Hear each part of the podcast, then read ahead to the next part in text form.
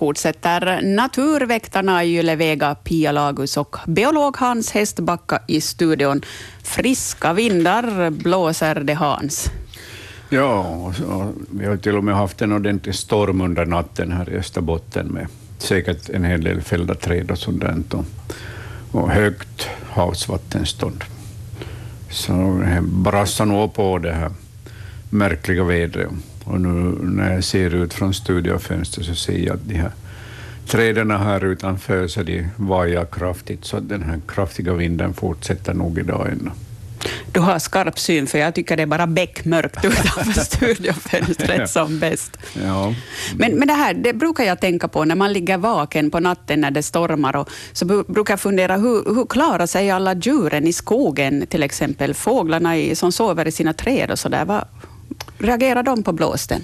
Eh, ja, de som sover i håligheter så alltså, de bryr ju inte sig. Och, och de som sover på nattkvist så, så de kan ju förstås vakna av det här busvädret, det, det gör de säkert, men uh, ofta är det på det sättet att djuren känner av sådana här oväder som kommer i god tid, så de kan söka sig i skyddade ställen. De, de vet om det mycket bra, de här kommande ovädren, så att de kan parera dem, åtminstone delvis. Mm. Havsvattenståndet också påverkar ju. Vi har pratat mycket om idag att vi har mycket svanar som övervintrar. Ja. Hur, hur påverkar havsvattenståndet just ja, sjöfågellivet? Ja, no, de, för, för de här sjöfåglarna så, så spelar, spelar det ju ingen roll. Eh, de kom, kan ju simma längre in mot stränderna och, och på strandängarna och beta där om de vill. Sånt. Dels så kan de komma till nya födoställen tack, högt, tack vare högt vattenstånd. Mm, de bara guppar med där. Jo, mm. jo. 0611 12 13 är telefonnumret in till Naturväktarna bara att plinga på. Och ni är flitiga att sända in e-post natur.yle.fi eller via vårt frågeformulär som finns på Naturväktarnas hemsida. Den kan ni hitta via svenska.yle.fi. Och här har kommit in en fråga om eh, sidensvansar. Min, mina favoriter bland småfåglarna är de vackra sidensvansarna. De brukar komma på hösten och äta sig mätta på rönnbär och sen försvinna före jul. Men nu flyger de ännu omkring i stora flockar. Deras eh, klockigt klingande läten hörs i luften. Vi undrar om de har drabbats av flygskammen eller har de blivit stannfåglar nu? Ja, det var en roligt formulerad fråga. Ja.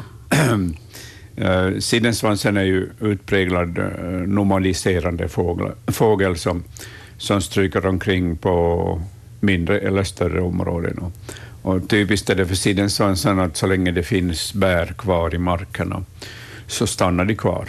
Och, och jag förstår att mycket väl att de har stannat kvar i södra Finland nu, för det är milt väder. De behöver inte smälta frusna bär, utan de har ganska fri tillgång till sockerrika rönnbär. Och, och de, för dem finns det ingen orsak att fly, flyga över Finska viken ner till, till eh, Europa för att eh, söka sin bärgning där, utan så länge det finns bär så stannar de och, och, och redan i mars så, så började återflyttningen sedan mot Lappland och, och eh, den sibiriska taigan. Så jag förstår bra att de finns. Det, vi hade ju mycket rönnbär i, i, på många ställen i landet och, och i norra och mellersta Finland så, så åt ju äh, sidensvansarna och trastarna upp de här de här bären. Men sen fanns alla bär kvar i, i, i södra Finland när de kom dit på senhösten och början av vintern, så att den här bärrikedomen räcker fortfarande. Så någon flygskam hade inte drabbats nej, av? Nej, det hade ju inte, att, utan de utnyttjar den naturresurs som finns och, och, och det, så länge den finns kvar så fortsätter de att, att vistas i södra Finland. Mm. Hör på tal om det här med, nej men det ska vi återkomma till, för här plingar det på ja. riktigt bra. Välkommen till Naturväktarna. Jo, Anne-Maj från Borgå, hej. Hej på dig. Min fråga gäller råttor. Ja. Vi är ett husbolag på tio bostäder och vår lägenhet är här i ändan på mm. husen. Mm. Och det är enbart vi som får råttor i våra fällor. Ja.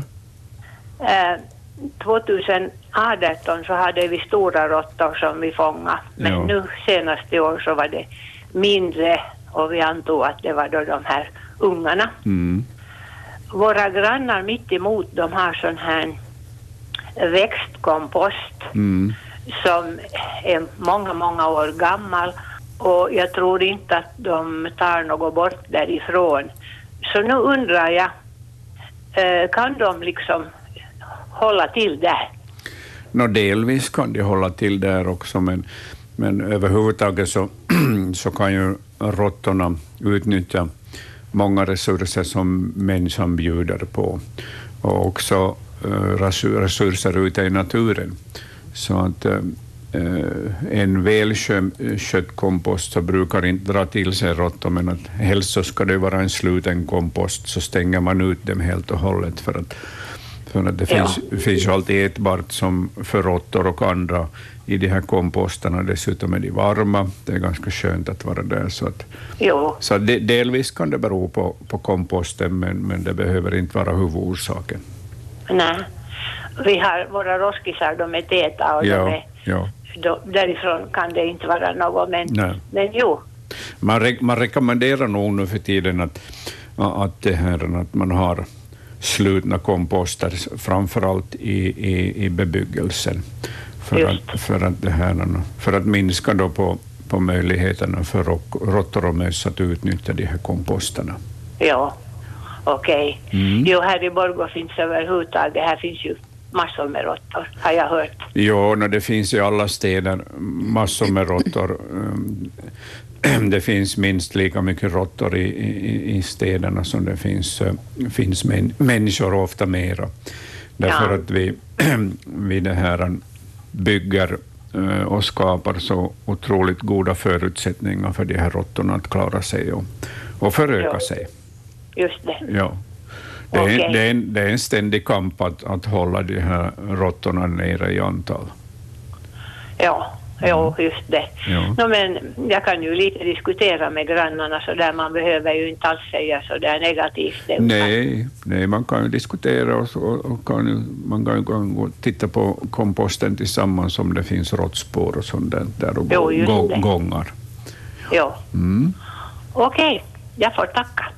Tack ska du ha. Tack, hej. Hej. Ja, ni hittar nog gott allt, mö, all möjligstans i de råttorna. Ja, de, de hittar och, och eh, jag menar, de kan ju, de, av naturen så lever de ju på, på olika eh, växtdelar. Och sen när människan då skapar andra eh, födotillgångar också så har råttorna det verkligen bra. För att råttan klarar sig i naturen också. Men är ju nog till stor del knuten till människan därför att människan skapar ju så otroligt goda förutsättningar.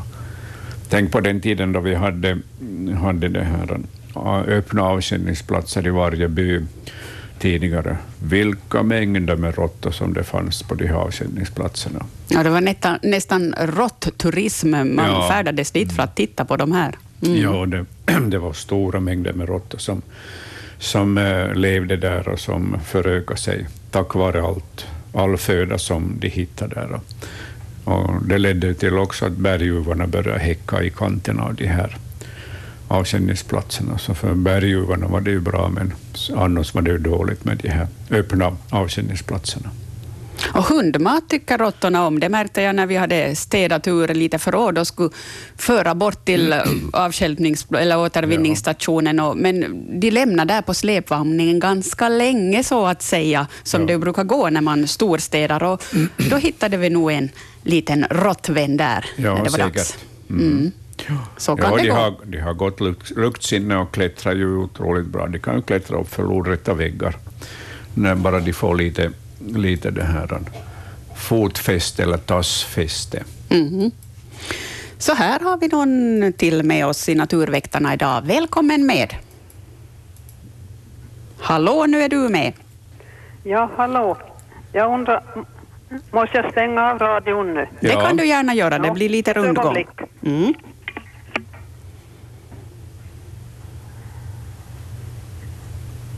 Ett gott tips till alla som ringer att skruva ner volymen på radion så blir det inte rundgång.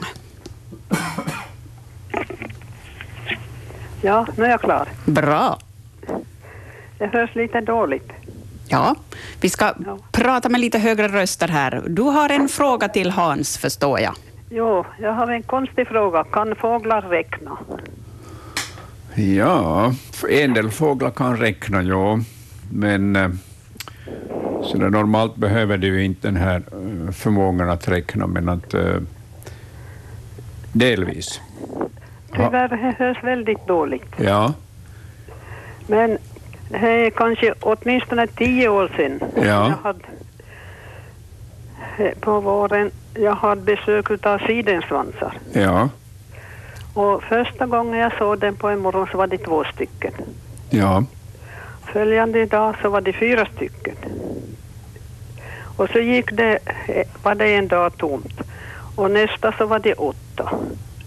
Följande dag så var det 20 stycken. Och följande dag så var det 40 stycken. Och sista dagen så var det 80 stycken. ja, Och jag har på en 50 meter härifrån så har jag tre stora aspar, väldigt höga. Och jag kunde, kunde räkna dem därför att jag, jag kunde inte räkna dem som var på fågelbrev för det var, det var, de klättrade på varandra fa- faktiskt. Det var så många. ja, Så jag räknade det som satt kvar i träden. Och de satt riktigt stilla och jag fick dem räkna så faktiskt så, så var det så där. Det var 20 stycken och 40 stycken, 80 stycken. Det dubblerar sig. Mm. Ja, ja, men det mm, är givetvis bara en tillfällighet att det gick på det där sättet. De, eh, de har nog inga, inga det här, ingen avsikt med att vara i jämna tal, utan det bara råkar sig. ja men det var, det var så konstigt. Ja, visst. Och Ja. jag hade lite rönnbär kvar i frysen så jag, Ja. jag satt först det. Mm. Men det tog ju snabbt slut. Men så tänkte jag att de måste vilja ha någonting som var lite sött eller sådär. Så jag började skära franskbröd i, i små, små tärningar. Så det gick åt, åt ja, ett och ett halvt franskbröd per dag. Ja. Mm. Och så en månad, efter en månad så det, helt plötsligt det var bo- bort allihopa. Så Ja. jag tänkte att nu blir det vår i Lappland. Mm. Ja, det är typiskt för sidensvansen att den kommer och sen stannar den en tid och sen försvinner den lika plötsligt. Ja, och det var just den där våren när, när vintern kom tillbaka. Ja, precis. Mm. Men som sagt, när det var så, så jämnt antal. Ja, det är bara råka sig. Ja, jag tycker det. när det var så där exakt med, med antalet. Mm. Mm. 20 och 40 och 80. Ja, det, är ju, det finns ju liksom ingen logisk förklaring till att de skulle vilja vara i jämnat antal och fördubbla Nej. sitt antal, men sånt händer. Ja, men i, alla fall så var det, det var en konstig sak. Ja, Men jag har inte sett dem nå sen. jaha. Mm. De, de brukar ju återkomma och liksom vara, men det har varit varmare vintrar, kan det bero på det? Ja, no, delvis beror det på det, för att de har haft föda överallt, till exempel i år. Ja, Så att det här... eh, men det var som sagt, det var den där åren när vintern kom tillbaka. Ja. Eh, var det i mars månad, februari månad du matade? Nej, det var nog lite senare. Det var lite senare det alltså. Var, Ja. Det var sidensvansar på vårflyttning norrut som du matade. Ja, Mm. Och sen, jag, jag, jag sa till mig själv att nu, nu blir det vår i Lappland. ja. och sen när de har tankat tillräckligt mycket föda, det vill säga la- lagt upp fettförråd i kroppen, så då flyttar de iväg Ja. vidare. Hur, långt, hur långt kan de flytta per dag? Ja, de kan nog flyga flera hundra kilometer om jag minns rätt, de här sidensvansarna. Så det räckte inte länge då förrän de var i Lappland? Nej, det tror jag inte. Ja, okej. Tack så Mm. mycket. Ja. Tack ska du ha. Hej, hej. Hej då. Ja, en ren tillfällighet det där menar du att det var? Jo, Mm. jo det ja. Ja, men man vet ju aldrig, man har ju hört så mycket myter om fåglar som tänker och räknar och de, ja, li, lite allt möjligt. jo men, men det här är nog bara rena, rena trevliga tillfälligheter. Mm. Mm. Då säger vi hallå, hallå och välkommen till Naturväktarna. Jo, det här är Per-Olle Rik från Borgå, Hantverkaregatan 42. Och jag har en liten berättelse, jag måste eh, tala lite mer om det här. Ja, Alltså, det, gäller, det gäller möss. Och det där, jag har ett fågelbred ytterom köksfönstret, det är på fem meters avstånd ungefär. Och, den är, och, och, och vi, vår tomt är på det viset att det, den, den har terrasser med stenar. Ja. Och in i de där i, i, i stenarna så brukar mössen börja synas. Och, och, och det där, när, vi har ju sådana sparvar som är så vilda att de sprättar omkring det där frö och, och så kommer mössen och tar det där. Och förut så köpte jag, det hette Ratata och det var jättebra gift, det var sån här, och det var grönt, blått, pul, sån där grön pulver. Ja. Och det, så använde jag min frus gamla nylonstrumpor. Och det kom alltid med en sån här, eh, vad heter det, annost, en sån här liten kopp med. Ja. Och, och så lagade jag sådana här bollar, ungefär som det rymdes en sån här en, sån där gift i det där. Jag lagade ofta, ofta tio stycken. Och så band jag ett band och, drog, och, sku, och så gick jag ut och skuffa, skuffa in det i, i det där muren. Och, det, det, och, det där, och sen hade jag ett långband som jag band fast att jag visste om, om någon har varit och äta och så vidare. Sen gick jag och vittjade och kika och emellan var de alla tio uppätna och så satte jag på nytt fem sty- tio stycken. Sen var det bara fem kvar. Och då visste jag att jag har nu mössen bort. Ja. Men nu får man inte köpa det där ratata som var jättebra och så bra som man kunde sköta i en sån här stenmura. Ingen fågel, ingen eh, hare eller ingen någonting. Och nu får man inte köpa det någonstans. Och jag har varit och kikat och, och försökt hitta på någon sorts gift. Men det där, så hittade jag på i Hongkong, men det här ska ni få se hur roligt det här är. Det heter, det heter 342 pasta. Och det, det, det måste nog ha varit effektiv. Alltså det här är en sån här liten plastask eh, som är kanske 10 centimeter lång. Jag har inte här dem för de är alla de är borta. Och så finns det i ena ändan finns det det där giftet och, och, och, och, och en liten ingång. Och den här eh, plastasken är kanske, jo jag sa 10 centimeter lång, men så tror jag att den är så här en, kanske en 40 eller 40, 50, 40 kanske bred, milli bred och, och, eller 4 cent och sen kanske 3 cent hög. Och så är det meningen att det där mösset ska, ska gå dit in och äta på det där. Nå jo, jag sa att jag köpte det, det kostar nog passligt nog. Ja, vi, jag vi ska inte göra så mycket produktreklam nu här i Naturväktarna, Ja, det ska vi komma nu. ihåg. Vänta, jag frågar så här nu.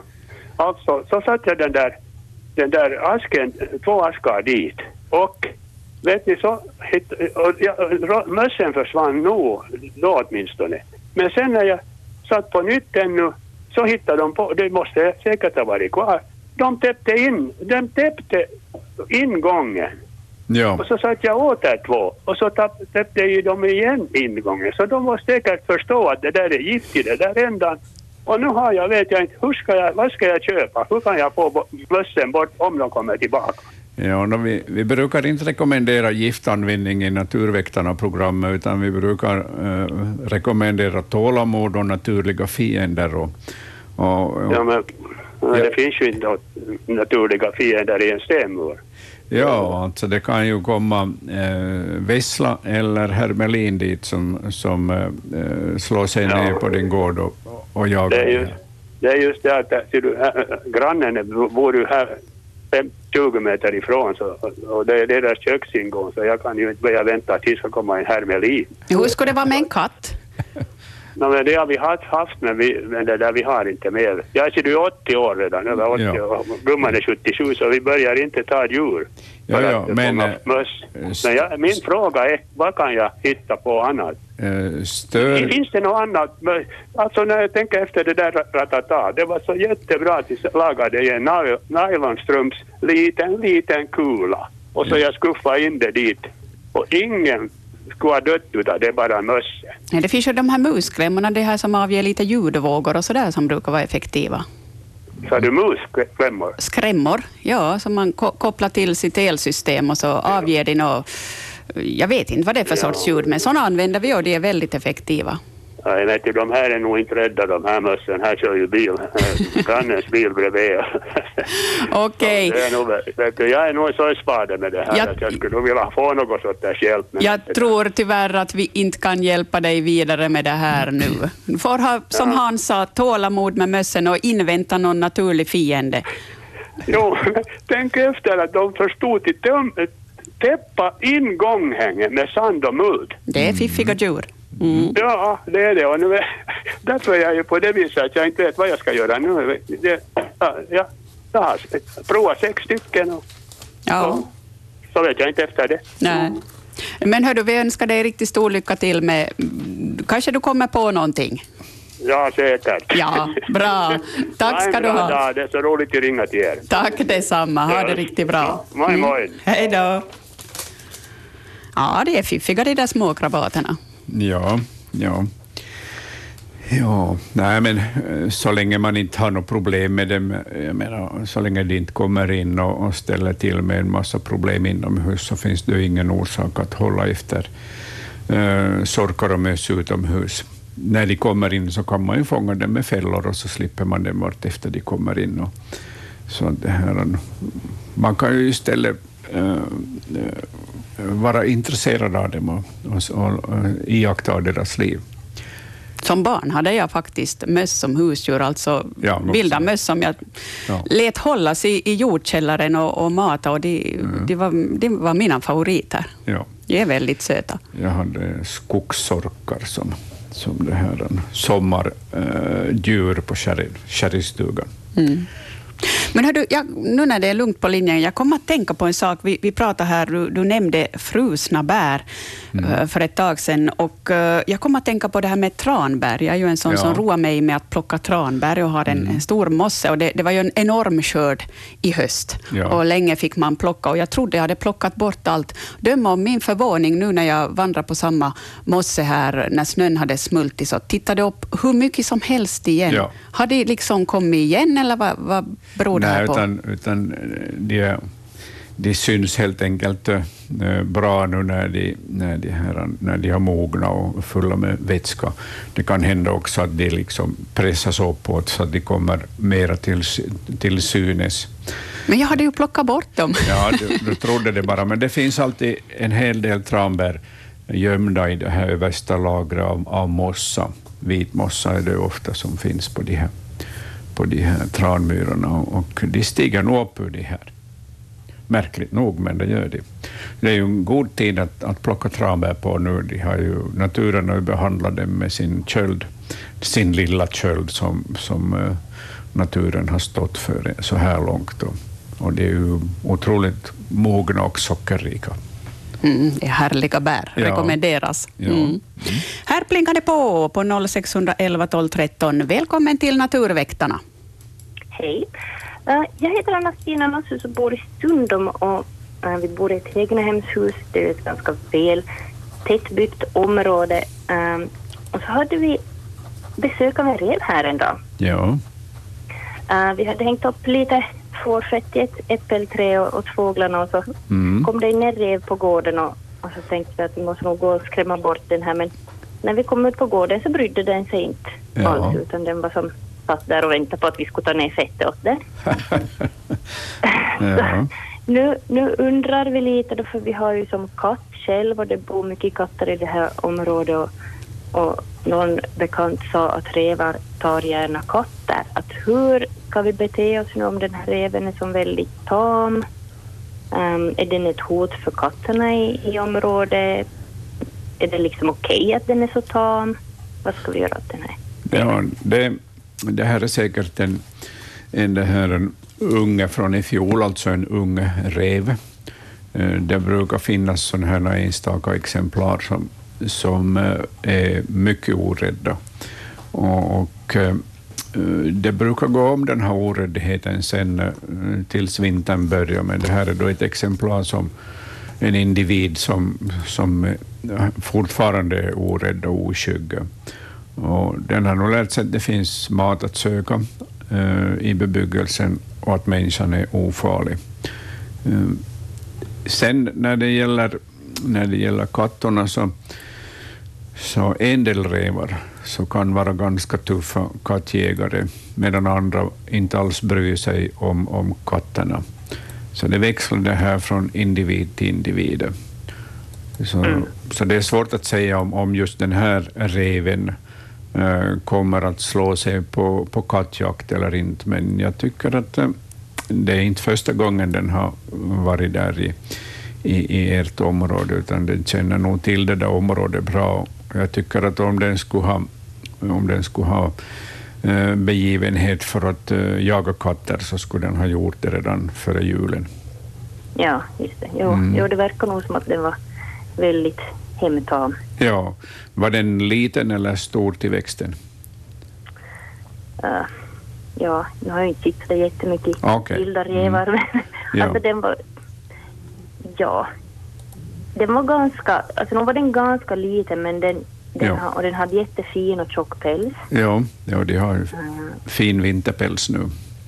Mm. Så mm. det, för först funderade vi om den skulle haft skabb eller någon sjukdom, och den inte ja. alls var rätt. Men, mm. men just att ifall det var som en ung rev så då är det ju förståeligt att den Ja, dessutom ja. tror jag att det är en tik också som är sådär okay. orädd. Då. Uh, han, han, större han, hanrevar så brukar, kan bli goda kattjägare medan, medan de här mindre tikrevarna nödvändigtvis inte behöver angripa katter alls. Ja, men är det som mest ifall det inte finns annan mat åt dem att få, ifall de som är hungriga eller? Ja, det är ju, givet, det är ju alldeles klart att, att om maten tryter uh, för en rev så försöker den sig på byten som är stora men som den behöver. Så att, men uh, så att då, då kan den slå sig på kattjakt eller vandra bort från området till något annat ställe. Okej. Okay. Mm. Ja, ja. No, men det var nu bara det vi funderade på. Ja, ja. Mm, men det var trevligt i alla fall med en liten rev på gården. Ja, visst. Ja. ja det är oerhört vackra djur. Mm, verkligen. Speciellt i vinterpäls. Mm. Mm. Okej, okay, men tack ska du ha. Ja. Tack ska du ha. Hej då. Och här kommer jag att tänka på en fråga vi också har fått in till e-posten. Det handlar också om en katt.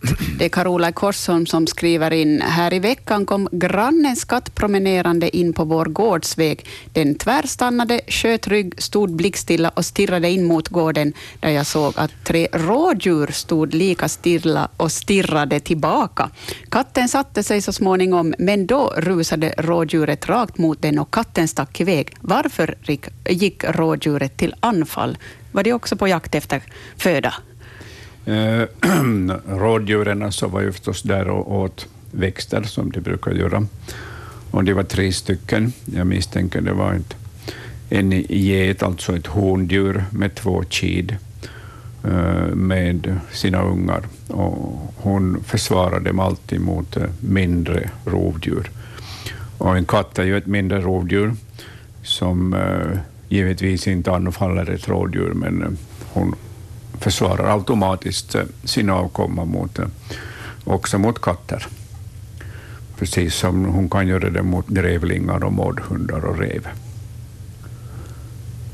Det, kan, det finns nog ingen, ingen annan förklaring till det här beteendet än att hon helt enkelt var där med, sin, med sina två, två det här, uh, kid, eller kalvar, och mm. dem. Hon gjorde vad varje mor skulle göra. Ja, precis. Mm.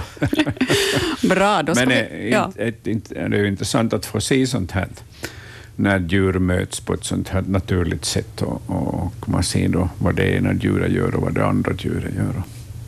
Trevligt. I synnerhet när det är ett tamdjur och ett vilt djur. Ja, en trevlig observation. Mm. Annars är ju reven så, så det här, han brukar plocka en hel del rådjurskid på våren och början av sommaren när de är, när de är födda. Så det, där det finns en skaplig revstam i, i markerna så, och rådjur så brukar då reven vara den här största regleraren av, av rådjursstammen.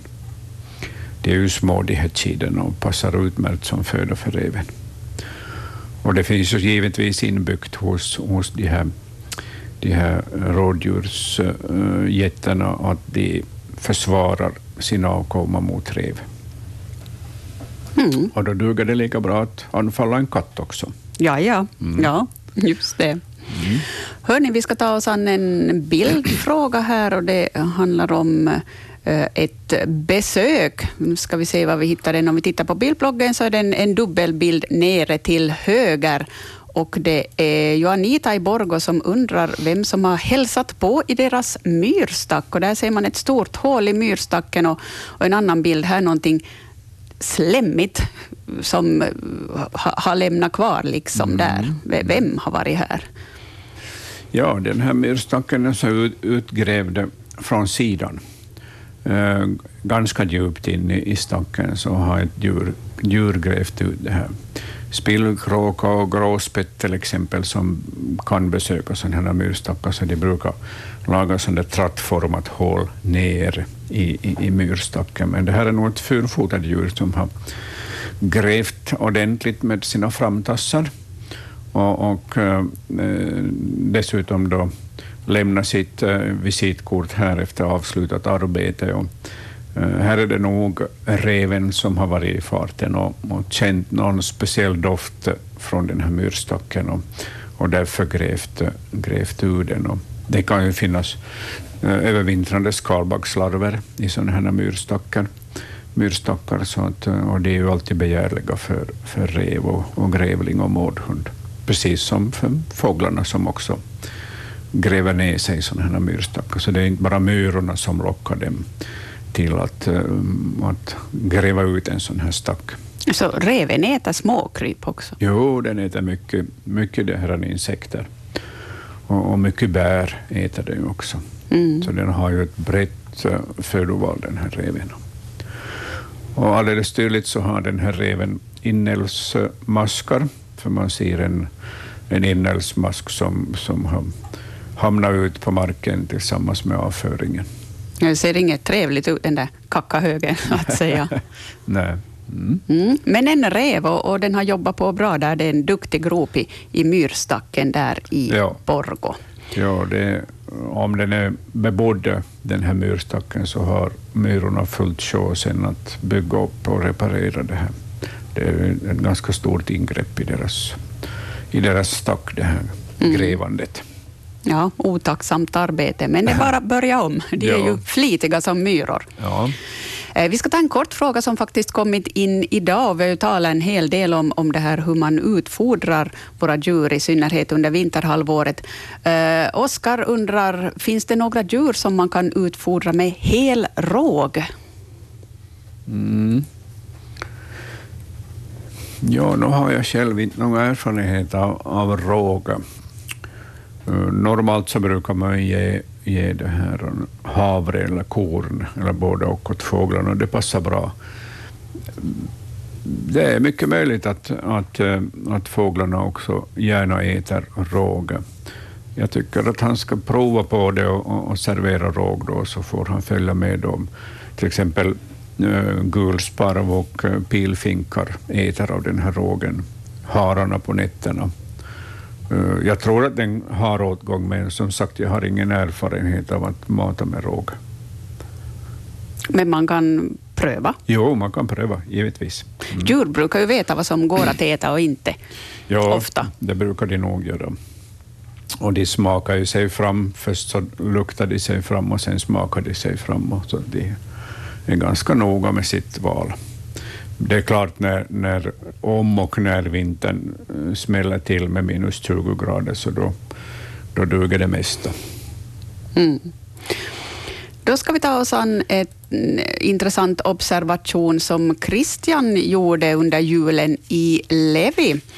Eh, de tände ljus ute, som de brukar, och ett ljus hade då slocknat under natten och då vi tittade på det så hade det en fjäril flugit in i ljuset och säkert släckt ljuset. Om fjärilen skulle ha varit där hela tiden efter att ljuset tillverkats så skulle det säkert ha varit så torrt att, att fjärilen skulle ha brunnit upp då. Men är det möjligt att fjärilar flyger in i ljuset på det här sättet? Och här ser vi ju också en, en, en bild av fjärilen som, som ligger utbredd där inne i det brunna ljuset. Ja, det är en nässelfjäril som har flugit in i det här, det här ljuset och eh, dött förstås av, av den här lågan och sen hamnat i stearinet. Och, och där är, eh, eh, är förevigad i stearinet, i det stelnande stearinet. Är du säker på att det var utomhus? Så står det i meddelandet i alla fall att det var utomhus. Vi ska titta på det igen. Tände ljus ute, ja. Ja, mm, märkligt ja. Mm. Uh, nu kommer jag inte ihåg vad det var för väderlek uh, i, i Levi den där tiden, men eh, jag skulle tippa på att det har varit plusgrader. Och det gör ju att, att en sån här övervintrande nässelfjäril kan vakna ur sin vinterdvala. Och, för den flyger inte när det är minusgrader. Och det här, sen dras de till ljus, insekter dras till ljus och, och det är en hel del insekter som brukar flyga ihjäl sig eh, i sådana här ljus på hösten. Och på vintern i kärrstugor när man kommer till en kall kärrstuga och värmer upp den, så ser man ett tu tre att småfjärilar och flugor brukar eh, bli aktiva och det är nog flera av dem som flyger in i de här ljusen sedan. Mm. Och är det, är det just fjärilen som har släckt lågan? Eller? Ja, det är nog mm. det. Ja. ja. Den har nog släckt den här lågan när den har eh, flugit rakt mot, mot lågan och, och dött och sen samtidigt fallit ner i stearinet. Mm. Ett märkligt sammanträffande. Mm. Mm. De här nässelfjärilarna som, som övervintrar, så, så det är ju vuxna fjärilar som ska, eh, på våren vakna och para sig och lägga ägg så att vi får det här följande, igång följande generation av nässelfjärilar. Men, men, vad är det i ljuset som drar till sig? Jag menar malen till exempel, man vågar knappt öppna terrassdörren på, på, mm. på hösten för då har, kryllar det av mal där. Vad, vad är det som får dem att dras till ljus? Ja... Ja, Anders Albrecht säkert har en mycket god och välformulerad förklaring till det här, men det dras till ljus i alla fall och det är ju, det är ju också insektforskares, en av insektforskarens redskap att locka insekter, nattflygande insekter till ljus och samla in de här insekterna. Ehm, hur det fungerar rent fysiologiskt så kan jag inte säga, men, mm. men de blir nog i alla fall bländade av det här ljuset och dras till det. Mm. Men så är vi ju många, vi, vi dras, även vi människor dras ju till ljus i ja. mörkret. Mm. Mm. Nu ska vi se, hörni, vi har 18 minuter kvar i Naturväktarna den här månaden, ska vi ju säga. Ni kan bra ringa in på 0611 12 13, så besvarar vi frågorna här. Här har ännu kommit in via e-posten till exempel en hel del nya frågor. Eh, men nu plingar det på här så vi, vi sparar det med en stund. Välkommen till Naturväktarna. Jo, det jag skulle ge ett litet tips när det var tal om om man skulle fånga de där mössen eller råttorna. Ja. Jo, ja, man ska ha en tunna och så har man ett hål i sidan och det ska lock på och så en, där i botten ska man ha säd och, och, och, så en landgång och när de får in i den eh, tunnan så blir de dit. Så är det bara att titta locket upp och ta liv av dem. Ja, alldeles. Då, behöver, då behöver man inte använda något gift. Jo, är det. Ja. Man behöver inte använda gift. Det, mm. Du kan få hur många möss som helst då, ja. när de far in och söker mat. Så då slipper jag upp med den där kanten. Nej och där det är säd på botten så där ska sparka efter så det går efter så de, de blir där. Ja. ja, vad trevligt. Vi tackar för det här giftfria jo. Äh, tipset. Just så. Mm. Då yppar det vidare. Ja. Tusen tack ska du ha. Mm. Hej. Jo, hej. Mm, det var slugt. Ja, ja jag, nu när, när den här lyssnaren berättade om det här tipset så, så kommer jag ihåg att yrkesfiskare i skärgården så brukar använda eh, samma eh, fångstmetod för att skydda sina redskap i bodarna. Eh, redskap som sätts i, i vinterförvar i bodarna, så de brukar just arrangera det. En, en liten landgång upp i, i ett det här ämbar, till kanten av ett ämbar, och så kan det vara lite föda på, på, på, kant, på botten av, av det här ämbaret, så trillar de dit och dör där. Mm. Mm. Då lyfter vi på luren igen och säger välkommen till Naturväktarna. Uh, nu får du skruva ner volymen på radion lite. Ja, det här var Bertil Holmlund från Norrvajs. Hej. Hej. Ja, jag spinner vidare på det här eh, med mössen. Det här är, är så att eh, eh, jag har fick en massinvasion av möss här i mitt hus Ja. år 2016. Mm. Mm. Och det var så enorma mängder med möss så, så det här, jag visste inte riktigt vad jag skulle ta mig till. Ja. Men så upptäckte jag då att eh, de kom upp via ett hål i golvet invid ett avloppsrör. Ja. Och där satte jag då ut mössfällor. Och hur otroligt det än låter så fick jag fånga ungefär ett 30-tal möss. Ja. på några- Sen upphörde det här, blev det slut på mössen. Och efter det så har jag inte sett till ett enda möss här i huset och inte på utsidan av huset heller. Ja. ja. Så nu undrar jag, har jag, har jag lyckats utrota alla möss som finns här på tomten och, och på granntomten? Ja, tydligen har du gjort det och, och eh, du, du kommer inte att få möss i huset så länge eh, stammen av möss är låg, alltså individfattig, men sen när, Ja. när de förökar sig i större antal så kommer de säkert att, eh, att hitta in i huset igen och då får du ta till samma metoder. Ja, just så. Ja. Jo. Alltså det som är märkligt alltså, vi flyttade in i huset här 1981 Ja, och jag hade en möss i huset innan jag flyttade in själv. ja, Men det här, det var ju inte så stora mängder, det kunde vara en tre, fyra möss per vinter. Ja. Eh, så, men, men just nu, där 2016, så då kom den här massinvasionen som jag inte riktigt förstår varför jag fick så mycket möss på en gång. Men, men så här gick det. Ja, ja, ja. Mm. Men det här, då, så jag kan liksom eh, hoppas på det då att jag kommer till se någon möss här på en bra tag till. ja, vi håller tummarna för dig. Det är fint. Ja. Ja, Tack ska du ha. Ja. Hej då. Mm, hej. Ja, det är väl det där det handlar om. Man måste spåra var de kommer in och Ja. åtgärda där. Ja, det är det att de lägger ut doftspår, de här mössen. Och sorkar och möss lägger ut doftspår och eh, Eh, där en har, har det här han letat sig in i huset, där kommer de andra efter också. Så de här doftspåren alltså är ju mycket centrala i, i deras eh, kommunikation och i deras vandringar, både i stort och smått. Men hittar man det här stället, just som den här lyssnaren hade gjort, så då är det ju lätt att knipa den vart efter det dyker upp. Dyker in i huset. Men hur kom det så där många på en gång? Eh, Det fanns helt enkelt en, en lokal stam i, i, på tomten och granntomten, en lokal stam som hade vuxit till sig kraftigt eh, eftersom de naturliga förhållandena hade varit bra under sommaren. Och, och det är ju ganska typiskt för möss att uh, gärna söka sig inomhus sen till vintern. De kan komma också andra årstider, men de brukar komma på hösten när första frosten biter till.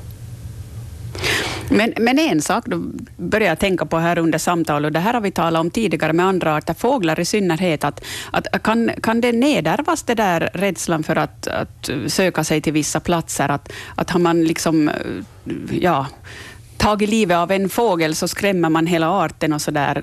Kan det uppstå samma fenomen med möss, att de vet att nej, det där huset är farligt, dit går vi inte? Nej, jag tror inte att det kan uppstå en sån tradition, utan, utan man kan lyckas fånga alla som kommer in och sen blir det lugnt för en kortare eller längre tid. Och, och det kan, I bästa fall så kan de vara borta flera år, de här mössen.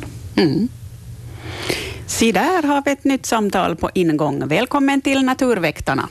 Ja, god förmiddag. Jag är Berit på Österö, God förmiddag. Maxim skärgård. Hör, jag undrar, har det här snösparvarna helt försvunnit? Ja, inte har de försvunnit helt, men att, eh, men att det här, de, de behöver ju inte alltid slå sig ner på samma ställen på vårflyttningarna. Ja, jag har ju inte aktuellt nu för det här vår- vårflykten, men jag brukar kunna vara nästan hur mycket som helst, men jag har inte sett något på flera år. Ja, just ja. Mm. Och så är ju nästan som man börjar sakna gråsparven också. Ja, gråsparven har ju minskat kraftigt i, i det. Ja, överallt. ja nå, här tidigare höst så då såg jag så två stycken men inte vet jag nog vart det har försvunnit. Ja. Mm. Det är konstigt att det, det kan bli massinvasioner av en sort och så helt plötsligt är det borta och så kommer en ny. Ja. Ja. Då har det någonting med vä- vä- väderleksomslag att göra? No, de har ju lättare förstås att hitta föda överallt när det finns lite, lite snö, men, men så, så det, överlag så har, har snösparven minskat i antal. Ja, nej, jag skulle ju verka på det Och, och viset. det syns ju förstås nog under de här eh, vårens flyttningar. Jo. Mm. Mm, Men- men jag måste prata om, jag hade en väldigt trevlig syn häromdagen. Jag bor i ett radhus och så Ja. en bit från, från den här terrassen har jag så, som på en stång ma- matbräde åt få- småfåglarna och så sprättade jag alltid runt det här solrosfröna. Ja. Och så tänkte jag, men vad, vad är det på marken där? Det var så där lite skym, skymning eller gryning på morgonen. Så var en ekorre från ena sidan och så var en hare från andra sidan. Och de sa satt och åt det tillsammans. Ja. ja. Så det är sådana trevliga upplevelser man alltså ser i den na- naturen. ja, ni hade borgfred på gården. Ja, ja, minsann. Ja. No, men okej, tack och ha det så god fortsättning på det nya året. Tack detsamma. Mm, hej då. Mm, hej då. Ja, det var ju en gullig observation. Ja, visst, visst. Ja. Ja, det är alltid trevligt att se djur när de är ostörda och, och då de inte slåss och käbblas sinsemellan. Mm. Mm. Här plingar det på. Vi säger välkommen till Naturväktarna. No, hejsan, det är Anne från Esbo. Hej! Det var tal om de här mössorna. Ja. Och det för jättemånga år sedan så hade vi också i en sommarstuga så hade vi möss och vi fick bort dem med att bara jaga dem och fånga dem och ut med dem. Ja. Och det här och, så tänkte vi att "Nåja, nu var det klappat och klart att inte kommer in mer när vi var där med barnen och sånt där. Men sen hörde jag på natten sen så hörde jag dun, dun, dun, duns. Jaha, det var en som kom någonstans ifrån så hörde jag duns igen. Så jag tittade, varifrån kommer de in? Jo, det var i ett tvättrum uppe i taket så gick det såna här taklister. Ja. Och så var det liksom många hål och var det blir när man de. Ja. Så de kom in från, de behöver ju verkligen my, mycket, mycket små hål, så Så. kommer de in. Så är det. Så tänkte jag att vad i fridens dag ska jag hitta på nu att, att äh, sätta dit. Så jag tog sån här foliepapper och sk- skrutade ihop dem. Ja. Och plockade in liksom i precis varendaste ett hål jag bara kunde hitta. Och efter det så har vi aldrig haft någon möss inne. Ja, ja. Mm, det är ju de, det. inte- de kom inte liksom igenom det där enkla foliepapper som jag Mm. skrynklade ihop och faktiskt skuffa in det ordentligt och hårt. Och inte en endaste en gång efter det har vi haft någon möss. Ja, men det funkar ju bra. Och det var giftfritt och det var bra. Ja, visst. det var bara det jag ville. Mm, ja. Vi tackar för det. Moj, moj, moj. Hej då. Roligt när det kommer in tips. Jo, visst. Och framförallt de giftfria tipsen. Det är de vi vill ha. jo. jo. Här har kommit in en eh, ny fråga med en bild. Det är någon som undrar vad det är för ny gäst på fågelbrädet i vinter i Vanda. Och uh, vi ska se här om vi får upp bilden. Det är Per-Göran som har skickat in den här. En sån här filur som sitter på fågelbrädet i Vanda och äter. Och det verkar enligt Per-Göran som den här fågeln vill vara lite herre på täppan och ta för sig av det goda. Och eh, den sprider med vingarna om andra fåglar närmar sig, till exempel talgblå och svartmesar och domherrar. Vad är det här för en fågel, Hans? Ja, det här är en grön siska eh, som är mindre till och med än talgoxen. Och, eh, det är en hanne som är färgad i, i grönt, gult och svart, ganska kraftiga färger. Och han är ganska påstridig, som en del småfåglar kan vara. Blåmesen är ju också påstridig när den kommer till sådana här matningsplatser. Han försvarar sitt matrevir och, och eh, försöker hålla de andra fåglarna borta. Så en grönsiska. Mm. Grönsiskan ser ni nere till vänster på bildbloggen, Naturväktarnas bildblogg, om ni följer med där. Där har också dykt upp en annan eh, bild, djurspår i snön. Och det är Malena som undrar vad det här är. Nu får han springa runt här igen och, och titta vad det är för spår. Här är sådär skapligt med en centimeter snö på marken och Malena undrar vad det här ser ut att vara ganska små spår. Ser man eventuellt kanske spår av klor där också? Någon som har trippat längs med en kant där. Ser ni i bildbloggen längst ner, så att säga. Vad var det för spår? Ja, en ekorre som har skuttat fram över snön. Och det är fram, framtassarna som syns de här där framme och sen de bredare baktassarna på sidan. Mm, så det var lite klor? Lite, ja, som... de har ju skarpa klor de här, de här ekorrarna. Mycket skarpa och utvecklade klor. Det är tack, tack vare dem som de kan klättra så bra i träd och på trästammar och på husväggar. Mm. Och olikt kattdjuren så håller de klorna ute när de ja, rör sig. De, de kan inte dra in dem. Inte. Nej, Nej. just det. Nej. Eh, där hade vi alla bilder som finns på bildbloggen. Den där kedjan som finns där också, den, den behandlade vi förra veckan. Jo, förra gången. För, förra gången, förra veckan, jo. Naturväktarna en gång i månaden, så lätt är det att glömma bort det. Och det är trevligt att det kommer in och vi har en hel del frågor obesvarade ännu och ni hinner ringa. Vi har fem minuter kvar i Naturväktarna.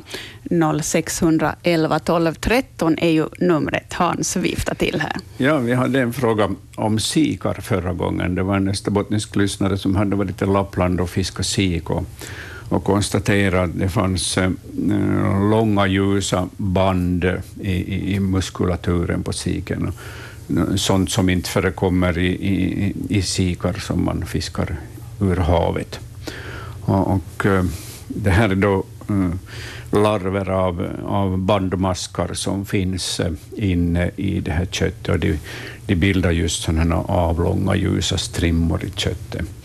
Och eh, det är typiskt för, för eh, förhållandena i Lappland att siken kan bli angripna av de här parasiterna på det här sättet. Mm. Men gäller det bara i Lappland? Ja, det gäller framför allt i Lappland, i de lappländska sjöarna, mm. där siken angrips av, av just den här arten med bandmask. Mm. Bra du kom ihåg den där mm. frågan. Uh, vi ska se här, um, mm, vi går vidare här bland de det här, är en, det här är en insektfråga, men vi ska se Hans vad du funderar kring den här. Det är Tanja som skriver in, varför blir det ett vitt stoft runt flugor som dött och fastnat på fönstret? Stoftet uppkommer ganska snabbt och lämnar på fönstret tills man putsar bort det. Jag hörde att det kan vara en svamp som drabbar flugan och att det är sporerna som frigörs när flugan dör för att på så sätt spridas. Stämmer det? Ja, det är mögelsvamp som, som angriper de här, de här flugorna och, eh, de brukar just fastna så där på fönstret. Och, och, eh, det är svampen som ser till att de sitter fast ordentligt. Och sen eh, sprids de här sporerna då från den döda flugan. Så det är sporerna som bildar det här mönstret, det här dammet på fönstret. Så, så det här, vår lyssnare har alldeles rätt i sina antaganden. Men det här är en helt ofarlig svamp. Den. Ja, för oss, men inte för flugorna. Nej, jag menar för oss. men kanske inte så trevligt att ha på sitt fönster. Ja, som biologiskt fenomen är det ju ganska intressant att se uh, hur, hur just den här mögelsvampen har lyckats uh, erövra en, en fluga och, och uh, nita fast den vid fönstret och sprida ut de här sporerna på det här sättet. Mm. Inte så dumt. Nej, verkligen inte. här ännu en fråga ska vi hinna med. Och det, här, det här är en fråga vi har besvarat tidigare faktiskt. Det handlar om ett av mina favoritdjur. Det är Jan K som har skrivit in. Såg en utter springa på sitt karaktäristiska sätt över isen i Öjna i Petalax. Är uttern ovanlig så långt norrut? Nej, utan har ju återkommit i skärgården, också till den österbottniska skärgården, ehm, mycket bra under 2000-talet. Så att man kan se utterspår och utter på många ställen i Österbotten. Och, och den finns ju eh, utbredd i hela landet utan överlevde ju de här giftiga åren i havet inne, alltså i inlandet, där den levde vid sjöar och åar och bäckar. Och därifrån har den då spridit sig ut till skärgården tillbaka, där, där ju fisken är giftfri idag och där den kan leva.